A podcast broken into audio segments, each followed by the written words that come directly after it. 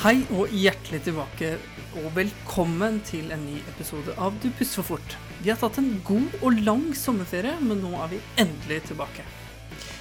I juni ble vi invitert av NAKOS, som er Nasjonal kompetansesenter for prehospital akuttmedisin, på NAKOS-dagene i Bergen. Der har vi gjort en rekke opptak av disse forelesningene, som du nå skal høre i løpet av høsten. Vi skal først høre om da Viking Sky gikk på grunn 23.3, såkalt Hustadvik-hendelsen. Foredragsholderen her er det er Trond Norseth. Han er til daglig anestesilege på Molde sykehus og var på vakt på 330-skvadronen på Ørlandet den 23.3. Vi skal høre om redningsteknisk og operative erfaringer fra denne hendelsen. Foredraget det finner du også som video med slides på Du puster for fort sine hjemmesider, som er dupusterforfort.com. Hjertelig takk til Nakos, og hjertelig takk til Trond Norseth.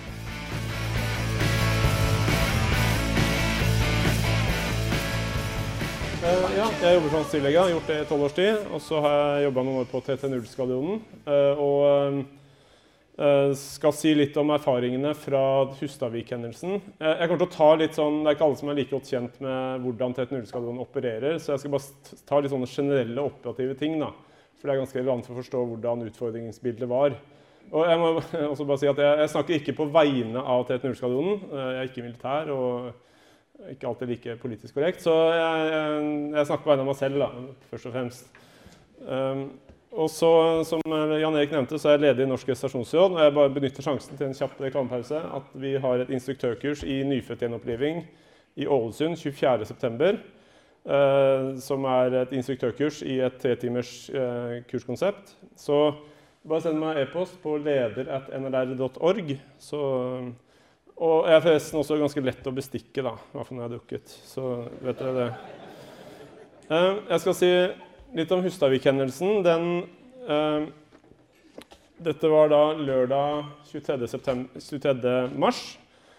Og, da, og så har det vært litt sånn i vinter at alle vaktene jeg har hatt, har alltid vært sånn drittvær meldt. da, Storm og verste noensinne. og Det har vært hver eneste vakt jeg har hatt, i hvert fall helgevakt jeg har hatt i vinter på TT0. Det var nesten storm på Østlandet òg. Det var jo liten kuling ytterst i Oslofjorden. Så jeg er oppvokst på Østlandet, så der er det jo det er krise. da, Men uh, i Trøndelag så, sånn, så er dette ganske ikke helt uvanlig at det blir litt sånn dårlig vær på den måten her. Og vi hadde vakt da på, på redningshelikopter uh, Ørland, som uh, er en av fem baser som nå opereres med Sea King. Den sjette basen er det COC som opererer på Florø. lang historie, det. Men det har å gjøre med at man faser inn et nytt helikopter. Og når vi har vakt, da, så er vi alltid det som heter, står helikopter det som heter scramble-klart. At man er klar til å fly. Altså ikke, Man flyr jo ikke derfra, men man tauer ut, og så tar man av eh, så fort som mulig.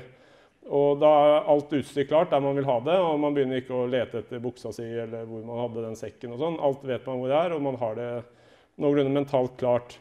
For når alarmen går, så går det ja, 11-12 minutter, eh, pluss-minus, fra alarmen går til helikopteret begynner å fly. Og I løpet av den tida skal man planlegge hvor man skal fly, landing, eh, operative ting, medisinske ting. Alt det må gjøres mens man ordner og styrer og tauer ut. og sånn. Så det er på en måte... Skal man jobbe i en sånn type tjeneste, så må man være forberedt på at man har vakt i flere døgn, og så kan det være døgn hvor det ikke skjer noen ting, og så plutselig når som helst så går alarmen, og da må ting bare rulle av gårde. da. Men det går ganske på skinner. Så jeg for min del har jo selvfølgelig alt utstyret klart, pakka ned i sekk. Jeg veit alt sammen er igjen, sånn at jeg ikke begynner å lete etter det. da.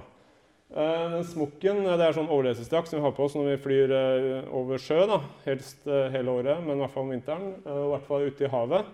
Og alltid når vi heiser, så bruker vi sånn smokk. Det er et helvete å ha på seg, da. Men det bevarer iallfall varmen og gjør at man har større sjanse for å overleve hvis man først havner i sjøen med helikopteret eller på annen måte. Så jeg har alt klart, og er klar til å rykke ut da.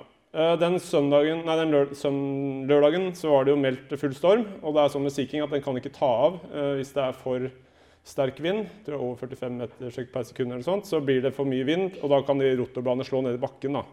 Det er da dumt, da, for da må man taue inn igjen og ringe masse folk. og sånn. Så det er alltid litt sånn vurderingssak hvis det er veldig sterk vind, om man skal fly eller ikke. Og så, Vi regna med at hvis vi fikk noe oppdrag, så måtte det avklares med vindstyrke. For det var liksom oppunder det da, som var på Ørland. Ørland er jo eh, ja, et sted hvor det blåser hele tiden. Da, og det blåser veldig mye når det, er, når det er storm. Men vi fikk i hvert fall en scramble da, litt sånn direkte på radioen uten noe forvarsel. Så da tenkte jeg ok, nå, er det i hvert fall noe ordentlig, nå skjer det noe ordentlig. Da fikk vi Scramble Viking, redningskropp til Ørland. Dette er HRS. Fartsrett svarer.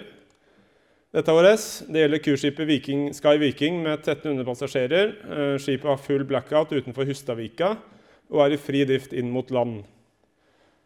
Ok, Da trenger man ikke begynne å tenke så mye mer på om man skal ta det oppdraget eller ikke. Da vet man at dette er et uh, oppdrag som kommer til å være ganske, ganske krevende, da, for å si det forsiktig. Uh, dette er bilder tatt fra land, og det har sett TV-bildene også. at det, var ganske, det er ganske røffe forhold til vanlig i Tustavika, så det er kjent med et vanskelig sted å, å, å passere med skip. da. Så vi fikk takeoff etter en sånn 15 minutter omtrent. Vi måtte laste om litt og ta ut båre. og litt sånn. Vi visste det kom til å bli, sannsynligvis kom til å bli en langvarig pickup, så vi måtte ha mest mulig plass i kabinen. Og så er det litt sånn da, Du får liksom en sånn oh, tiårets liksom, største redningsoppdrag, kanskje. Og så kommer man i helikopter og så starter man å fly. Og så ok, ja, da er vi fremme om en og en halv time. Eh, fordi det var jo da veldig sterk motvind, og da tar det mye lengre tid. da. Så vanligvis flyr man ned dit på kanskje tre kvarter, 40 minutter. men vi forventa å komme ned i løpet av en eh, ja, ca. klokka fire. Da ble eh, ja, Redningshelikopteret på Florø ble De hadde jo medvind, da, så de var der ganske kjapt. Uh, og et offshorehelikopter på Heidrun, som, som var tilfeldigvis i Kristiansund. Og det forventa å komme først. da. Uh, i, så, ja. Jeg husker ikke hvem som kom først, men det var i hvert fall to sivile helikopter. Er det er vanligvis Sea King på Florø, men som jeg nevnte, så har man ikke det akkurat nå. Så det er COC som opererer det. Og så er det litt sånn at det var en time på å fly ut. Det er en potensielt stor katastrofe. Og så må man forberede seg litt. Og det gjør man alltid når man flyr på oppdrag. at man snakker på intercom. Avklarer. Skal man heise?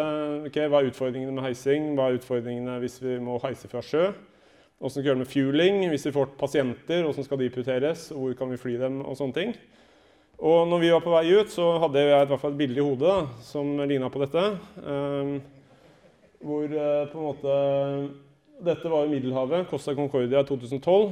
Det var jo Til slutt var det 30 omkomne, men det kunne jo vært eh, betydelig flere. Dette var jo i Middelhavet, med da en sånn steinkast fra land, bokstavelig talt.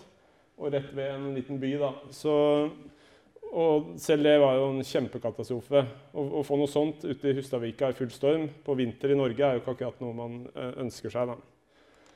Hustadvika ligger jo eller Havaristen var rett, ikke så langt ut fra land. Man kunne jo se den. Eh, det er Brynhallen. Det, et, det er det som etter hvert blir eh, mottakspunkt. da. Og så er det Molde er det et sykehus, og sykehus i Kristiansund. Ja, det er ortopeder der, og så er det kirurger der. Og Så er det Ålesund, som er et litt større sykehus, og så er det St. Olav. Det var helt klart fra starten at det var ikke aktuelt å fly til St. Olav nesten uansett hva problemstillingen var. Så det er alltid en problemstilling på spesielt nedkjøling og sånne ting, at man skal levere pasientene på regionsykehus og litt sånn, men sånne ting gjelder ikke når man har uh, sånne hendelser. Da må man bare, da må, jeg sa Molde og Kristiansund får ta det de får, da. Sånn er det bare. Hvis det ble noe. For de som ikke har så mye vært rundt Dette er ganske ja, Jeg må ikke sitere meg på det, nå bor jeg i Molde. Men det er ganske grisgrendt støk, da, egentlig. Det er jo ikke, Molde er ikke noen stor by, og dette er jo litt sånn utafor. Og Fræna er jo ja, en uh, liten kommune. Uh, så jeg, jeg, skal bare si litt om heiseoperasjoner før jeg går inn på selve operasjonen. Altså Heiseoperasjoner i TT0 så øves det ukentlig. Hver uke. Du slipper ikke unna. Det er på en måte minst én gang i uka, kanskje flere. Og dette, det har jo dels å gjøre med selvfølgelig at dette er krevende, og dels å gjøre med at det er ganske strenge, man, har stilt ganske strenge krav både til leger og redningsmenn og, og piloter og andre at man må gjøre dette med en viss varighet, og det blir registrert. Og hvis man ikke har gjort det på en stund, så man, går man fra grønn til gul. Og hvis du er gul lenge nok, så bør noen fange deg da, og si nå må du heise, og nå skal vi fikse det. Og så blir du rød. Og når du er rød, så kan du ikke, kan du ikke gå på vakt. da. Da må du liksom møte opp på fritida og gjøre dette her. Og, ja. Så det, det, dette er sånn som, og det er alltid en eller annen som er gul. da. Så det er på en måte en ukentlig affære å øve på dette. Det som er på treningstur, så uh, brifer man ganske grundig alle sikkerhetsaspekter ved heising. Um, man går igjennom. På oppdrag har man ikke tid til det vanligvis. Man vil jo brife en del ting ganske sånn slavisk før man kommer inn. Men alle andre aspekter og sånn, det, det brifer man primært før, før, I hvert fall på treningsturer. Brief er jo noe, altså I helsevesenet har vi tatt i oss debrief, men det er også noe som heter brief. At man gjør noe før man gjør noe, ikke bare det blir fett på når det har gått galt. Så brifing er viktig. Um, alle som jobba i luftfart, vet det. Uh, så, og det som er problemet da, med heising, da, er jo at hvis du får motorkutt i den høyden der, da, hvor lang tid tar det før du treffer sjøen? Ja, det er ikke noe mer enn ti sekunder, i hvert fall. Kortere enn det òg, kanskje. Hvis du får motorkutt i 2000 fot, så har du i hvert fall tid på dette på å finne ut da, og finne sted å lande. og sånn. Men hvis du får motorkutt her, og du ikke klarer å stå eh, i lufta, så går du i, i, i sjøen. Da. Og da må du vite hva du skal gjøre. og sånn. Og så med heise så vet man at det er en fare. at Hvis du får motorkutt, så kan det bli kødd. da. Og da, hvis du da plutselig befinner deg i fritt fall, så er det fordi det har skjedd. Da Da vet du i hvert fall det, da, før du treffer, uh, treffer sjøen. Men vaieren kuttes, da hvis det blir noe, mye problemer eller sikkerhetsrisiko for helikopteret, eller man må gå i sjøen. Så det er en del sånne ting da, som alle som jobber på T0 er innforstått med i forhold til risiko. Og, og, det er heldigvis sjelden det skjer hendelser, men det har vært noen, da. Det som er utfordringen, dette er jo Trondheimsfjorden med klar sjø. All den bølgene er jo Sea King som lager. Men båten beveger seg jo, og man skal helikopter skal inn og ut, og man skal ha en redningsmann opp og ned. Mest mulig safe, da. Ehm, så det er på en måte en litt sånn, det må trenes. og det er alltid et, Hver eneste sånn tur så er det et eller annet som ikke funka. Selv om alle har gjort det mange ganger, så er det alltid et eller annet som man har glemt eller gjorde feil. eller et eller annet. Det som er Problemet er spesielt da, hvis det er mye bølger, at båtene beveger seg mye opp og ned, så blir det vanskeligere. da. For da må du koordinere litt i forhold til når du kommer ned på båten, at du ikke kommer for langt ned, og så får båten opp i føttene. Opp i føttene og sånn. da. Så, så dette er et sånt treningsmoment. Og så er det ulike utfordringer med heise fra liten båt, uh, middels båt og, og rett fra sjøen. da. Rett fra sjøen er det jo bare redningsmennene som gjør, eller som heises nedi. Ja. Heldigvis for oss leger. Uh, men legene trener også på å heise på, på båt. Uh, så, altså På Hurtigruta er det ikke noe hokus pokus. Du går liksom bare rett ned og så kobler du fra, og så er det ikke så mye bevegelse. Men på en liten båt med sjø og sånn, så litt, kan det være litt drit. da. Så det er litt utfordringer med det. Så dette er vanlig, dette er dagligdags i 3.0 at man øver på heising. Og når man heiser folk, så heiser man ofte med en sånn slynge. Man kan også ha to i slynge. Og det forutsetter at den personen noenlunde holder seg fast. da. Så dette er ikke sånn Magda på 92 er ikke så veldig godt egnet til å plassere her, da, uansett hvor spek hun er, for det er litt sånn med det da, å henge der. Uh, så man må forutsette at de som henger der, klarer å holde seg noenlunde fast da, og ikke begynne å slippe opp. og sånn. Da. da går det dårlig. Ok, Så var vi på vei ut. da. Vi hadde alt dette, vi hadde alt dette trent inn fra flere år med trening, så vi visste hva vi gikk til. Og så var jo da dette med den båten da. Kan tenke han Kapteinen han kommer her og så plutselig så inn mot land uh, uten motorkraft i full storm. Og de stoppa vel her omtrent. Ganske, det var vel bare noen meter uh, Det var ikke mange meter klaring, da, så man ser på de sikkerhets- eller konfidensintervallene på hvor mye det var. Og så var det noen eh, eksperter som har sagt at nei, nei, men hvis den hadde truffet, så var båten sånn at den ikke ville hvelva. Men jeg er ikke helt sikker. Sånn som det så ut der, så tror jeg det blir veldig teoretisk da, med en båt på ja, 50 000 tonn eh, treffer det der i full storm, så vet ikke jeg, det er vanskelig å forutsi hva som kan skje. Men de klarte i hvert fall å få fart på motoren, da, rett, den ene motoren rett før man eh, gikk på land og klarte å karre seg ut igjen. Så dette var vel rett, rett før klokka tre, da, en sånn tre kvarter etter eh, at vi var skambla. Og jeg sjekka jo da det med lottotrekninga 23.3. Og den dagen var gulltrekking, for det var ingen som hadde sju rette. Fordi all flaks i Norge var brukt opp i Hustadvika den dagen, da, som dere vil eh, snart, få, snart, få, se. Ja. Så kommer man inn mot haveristen. Her, dette er tatt fra land. Dette er de to første, tror jeg, av, eh, fra COC, som har starta heiseoperasjoner. Så kom vi inn da, som TD-helikopter. Her står vi klar. Her ser dere at helikopteret står og, og straks er ferdig.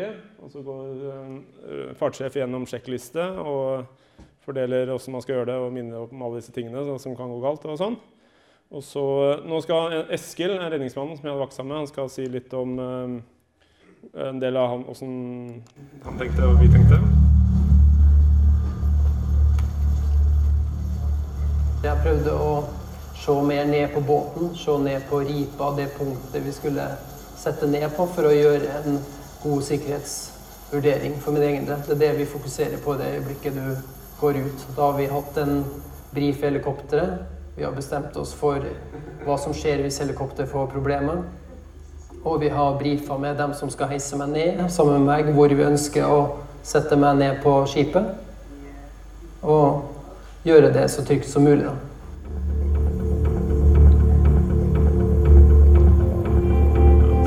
Styrer helikopteret, eller er med å guide, og så tar den andre Alltid ting du må ta hensyn til og være bevisst på. Det er hele tida når du har et helikopter som står i, i ustabile vinder, og du har en båt som går ukontrollert pga. røff sjø, treffer den på måter den ikke gjør. Den har ikke stabiliseringssystemer inne. Så har du mye, mye faktorer her som du må ta hensyn til hele veien. Så min oppgave er jo å passe på da, at du har en vaier og et tau som er knytta i kroken ned mot helikopteret. At det er ingenting av det som hekter fast og kan skape trøbbel.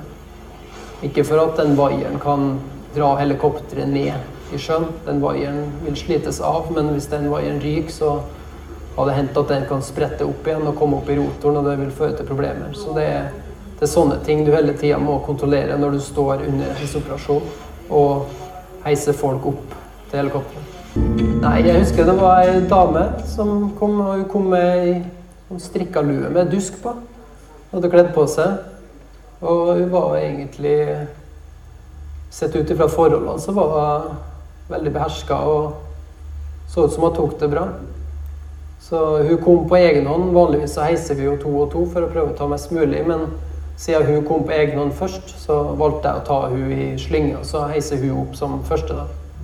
De fleste, fleste så ut til å ta det beherska. Det er vanskelig for min del å høre noe hva de sier og sånne ting, men det var sikkert noen som, som fikk litt økt puls når de gikk over ripa der. Det er jo høyt ned, og det er jo ikke noe dagligdags, det der. Jeg hørte han sa, det var, det kom, De fleste vi heiste, var jo 65 pluss. da, veldig mange, veldig høy gjennomsnittsalder. Det kom én person da, som var sånn i slutten av 20-åra. Jeg skjønte ikke hvorfor hun kom. Men så fant hun etterpå, da, hun, hadde, hun jobba på båten. da, Hun prøvde å si da, til, Kjetil at, nei, til Eskil at hun nei, hun skulle ikke være med, da, men så ble hun bare sendt opp. da, så det, ja, Så det er ikke så godt å høre. Ja, så vi heiste da, vi heiste 18, tror jeg, eller 16 eller 18 på det første løftet. Og det blir fort trangt da, i Sea Kingen, som du ser. Så min viktigste jobb var egentlig bare å passe på at alle fikk på seg et uh, sikkerhetsbelte og var fastspent, og ikke lente seg på døra foran. For den, hvis du lener deg på den, så kan den gå opp. da. Så det er veldig kjedelig å heise folk i enden, og så detter folk på andre enden. Det er litt dumt, da, så man må passe på det. Og det var jo sånn at Man skulle ikke ha med seg noe, man skulle ikke ha noe væske eller sekk. eller noe sånt, da, Men hver eneste en av de damene jeg satt sikkerhetsbelte på, de hadde liksom gjemt en sånn væske opp under som stakk ut. da, når jeg skulle sette på, ja. Så det var ikke alle som var like lydhøre på det. Men vi fylte opp ja, Etter hvert så blir det så fullt baki der at det begynner å bli litt sånn sikkerhetsrisiko i forhold til døra. og sånt, Så det er litt det som begrenser. da. Men for nytt helikopter da, så vil det være mye bedre plass og mye enklere å gjøre sånne ting da, enn det som er med Sea King. Ok, Nå kom det en lokal respons. da. Altså Man har et cruiseskip med masse folk som skal evakueres. og Fræna er jo ikke den største kommunen. Men det var utrolig hvor mye eh, som måtte etablere en helikopterlandingsplass da, rett ved den Brynhallen, som er et ganske godt drevet idrettslag for øvrig. Um, og så kom det mobilisert masse Røde, Røde Kors, brannvesen, politi og sånne ting. Og så fikk man på en måte skippa disse inn i den hallen. da. Hvor det etter hvert ble ganske stort hjelpeapparat og etter hvert ganske mange folk. da. Og etter hvert så var det en, hver gang Vi landa her seks ganger, og det var flere, flere folk hver gang man kom inn. Men uh, det var som å være på et idrettsstevne. Da. da var liksom alle i sving. da, Sto og stekte vafler og kokte kaffe og prata. Altså, det var liksom full, full trøkk der inne. da. Så de som kom, ble veldig godt ivaretatt. Uh, litt sånn på land, da. Altså, vi skulle egentlig fly til Molde for å fuele. Det ville jo tatt en ti minutter hvert ekstra. Men etter hvert så, um, mens vi var på vei dit, så fikk vi beskjed om at det var fått tak i en fuelbil som da ble kjørt. Og så fikk man tak i en eller annen fyr da, som egentlig var fri, men som da var opplært til sånn hot-fueling. Det vil si at man fueler mens uh, jetmotoren går. Da. Det er sånn man bare gjør på oppdrag. Da. Og så prøver ikke jeg å tenke så mye med på hva det så som er galt med det. Men det er sånn man er på oppdrag, at man fueler mens, mens motoren går. Så, eller, og rotoren går. da. Så det fikk vi gjort. Det sparer en del tid. Uh, full mobilisering. Og må, dette er en lørdag ettermiddag, litt sånn rolig, og så plutselig kommer det 40-60 mennesker i timen som skal håndteres, og masse usikkerhet om hva som har skjedd. og sånne ting. Så det ble en betydelig logistikk, da, og da ikke minst få disse videre. Det var gul respons på sykehuset Molde og Kristiansund. Um, og litt med hvem som skulle hvor og sånn, men av de som var skadd og hadde um, andre ting. Uh, det var en litt sånn um, frustrasjonsfaktor for AMK at man ikke fikk så mye informasjon om hva som var skadeomfang, så man holdt igjen litt. da. Men det ble i hvert fall gul respons. Og så begynte man å flytte ambulanser da, fra ulike kommuner, sånn at man hadde nok ambulanser. Og man oppbemanna AMK i Ålesund, sånn at andre hendelser, hjerneslag og hjerteinfarkt, de ble håndtert av andre folk enn de som satt med aksjonen. da, som antagelig er ganske lurt. Uh, Lufthavnen Ålesund var der, og så ble det mobilisert en Sea King uh, ja, han, Sjefen på Ørland han sto og stekte taco med familien, og så fikk han, hadde ikke fulgt med på TV, så han ringte opp og spurte om han kunne fly til Hustadvika. Så ba jeg hvorfor det? Jo, nei, sjekke TV. Ja. Så de, de, fikk mobilisert en uh, ekstra Sea King som etter hvert kom inn dit sånn i åttetida på kvelden. Det som var veldig viktige suksessfaktorer, var at man hadde et velfungerende idrettslag, en handlekraftig kommun, kommunal respons. Man fikk gjort en ganske kjapp stabilisering av de skadde pasientene og flytta dem fort videre. Syke, man kan tenke seg at det er folk som eh, opplever eh, stor usikkerhet, har en stor krise. Eh, vet ikke om de kommer til å overleve. De blir heist opp i, et helikopter som de aldri har sett før. Og, så det er ganske mange, Hvis du ser på sånn lista over PTSD, da, så er det ganske mange faktorer der som du kan krysse av for noen av disse passasjerene. Så, så, det å ha i psykisk førstehjelp, ta vare på dem, registrere passasjerer, mat og drikke Vi fikk jo fem pizzaer bare levert helikopter på denne landinga. Og få folk videre. Og så hadde man tre landingssteder for helikopter i trafikk og en egen flight control. Og det var en av suksessfaktorene. At man oppretta en Avinor tok seg all kommunikasjon og koordinering. De er kanskje ikke så vant til det, men uh, dette er et veldig viktig prinsipp. at I en krisesituasjon så må man gjøre det man kan. Man Må ikke sette en politimann til å gjøre dette her. Ha, eller, pilotene kunne gjort det seg imellom, men da satt det flight control-ledet med radar, som var vant til å snakke på med, med helikopter og fly, og, og, koordinerte hvem som skulle inn. Så da fløy man ut, eh, henta, leverte den på Byenhallen, fløy 300 meter på fuel-sted, og så fløy til et holding position, venta der, og så fløy ut igjen. Sånn at man hele tida hadde en sånn det ikke blei for mange helikoptre rundt hverandre for nær hverandre. Så man hadde avstandsseparasjon, i hvert fall i starten, på hvor helikoptrene hvor nærme de var hverandre. På natta så gikk man over til høydeseparasjon, at man gikk inn i 1000 fot og ut i 500 fot. eller noe sånt. Så mm, det er ulike måter å gjøre det på, men det var i hvert fall det var delegert bort til noen som driver med dette daglig. Da hadde man jo et redningshelikopter fra Ørland, eller to fra Ørland. Og så hadde man eh, redningshelikopter Florø. Så hadde man to SAR-helikopter. Ett fra Kristiansund og ett fra Bergen. Pluss et luftambulansehelikopter som var her. da. Så det var på en måte seks helikopter i, i, sving. Og så skjer det enda mer, da. For da Hagelund Captain, som er en lastebåt, får da problemer utafor eh, eh, ikke så langt fra havaristen. Dette skjer vel i 7-8-tida. Vi henta Tre fra sjøen og 47 eh, til da, før vi gikk inn i siste heiseoperasjon. Eh, da, begynte, da, var det mørkt allerede. og Det var snøbyger, sterk vind. Fortsatt 10-15 meter bølger og veldig vanskelig å manøvrere. Da heista vi jo 16 passasjerer. Dette var rundt midnatt. litt over midnatt. Og var, disse passasjerene vi hensa, de var ganske utmatta. Altså det var 1000 meter blikk. Og eh, det var fullt forståelig at det har vært en tøff påkjenning fram til da, og så til slutt bli heisa ut. da. Eh, da hadde alle begynt med utholdenhet alltid et tema. og Da hadde COC begynt å bytte. De var i gang med det allerede. Eh, for oss så hadde dette begynt nå ja, Det kom kanskje litt seint, da. Men i åttetida begynte man å tenke på det. da, og Så ble det ringt opp folk i nitida, og så fikk noen rakk noen siste tog til Gardermoen. og så, ja. Eh, men i hvert fall så fikk man et ambulansefly som fløy til Gardermoen og leverte disse på Vigra. Og så var vi på Vigra i totida. Da hadde vi vært i drift i nesten tolv timer. Um, og det er, og Dette er viktig å begynne å tenke på alle ganske tidlig. da, For det, det er masse inntrykk, det er masse ting som skjer, og du, det er slitsomt å holde på. Så tolv timer tror jeg kanskje begynner å bli nok da, for de fleste. Så jeg havna på et hotell da, i Ålesund. Ja, og eh, etter hvert så kom vi tilbake til basen. da Jeg var seint ute med å få plass til TV-en her, som dere ser. Men eh, når man, når, dagen etter så var jo eh, aksjonen ferdig. Da hadde man heist 460 passasjerer fra, fra båten. Og man har fått uh, drift, og man har fått klart å taue den inn mot land. Da. Så vi fløy jo tilbake sånn i to-tre-tida på ettermiddagen. Uh, det som er med sånne hendelser, at er ikke, Du er ikke ferdig da, når du har landa og taua inn. Det er masse etterarbeid, masse NRK som dukker opp og skal ha bilder og, og, og sånne ting. Da fartssjefen i midten.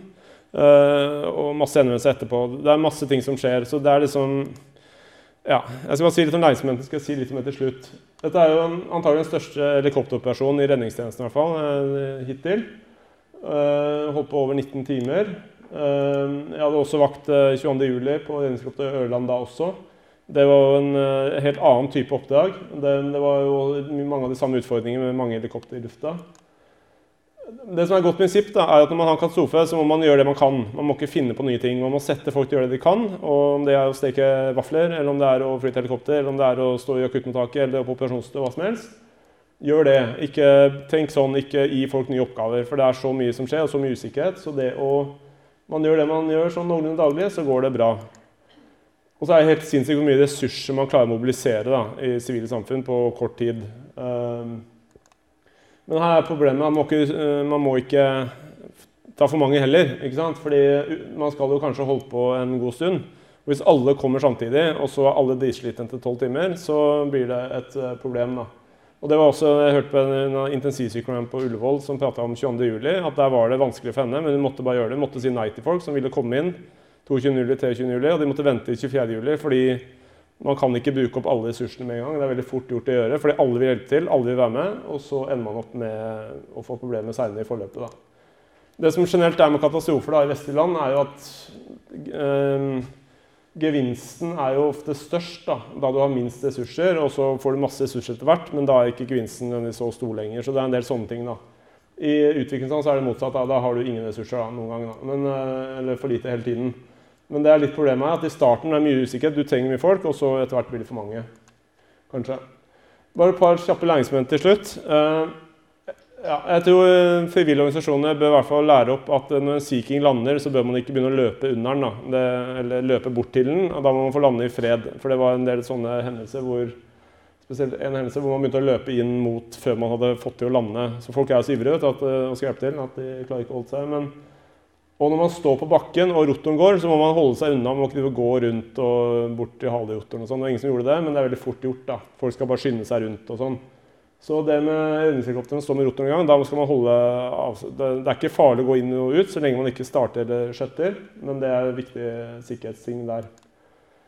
Og så er det sånn med sånne hendelser at når du er ferdig, så er du ikke ferdig. Det er masse utstyr du må fikse og sånn. Du må håndtere presser, du må ha debrief. Og så er det masse mentalt etterarbeid. Altså, jeg sovna ikke før klokka to natta. Det var tusen ting jeg måtte tenke gjennom, selv om jeg hadde sovet natt til søndag. Tre timer eller noe sånt. Og familie og sosiale medier og masse ting, da. Så det, tida er ute. Takk for meg.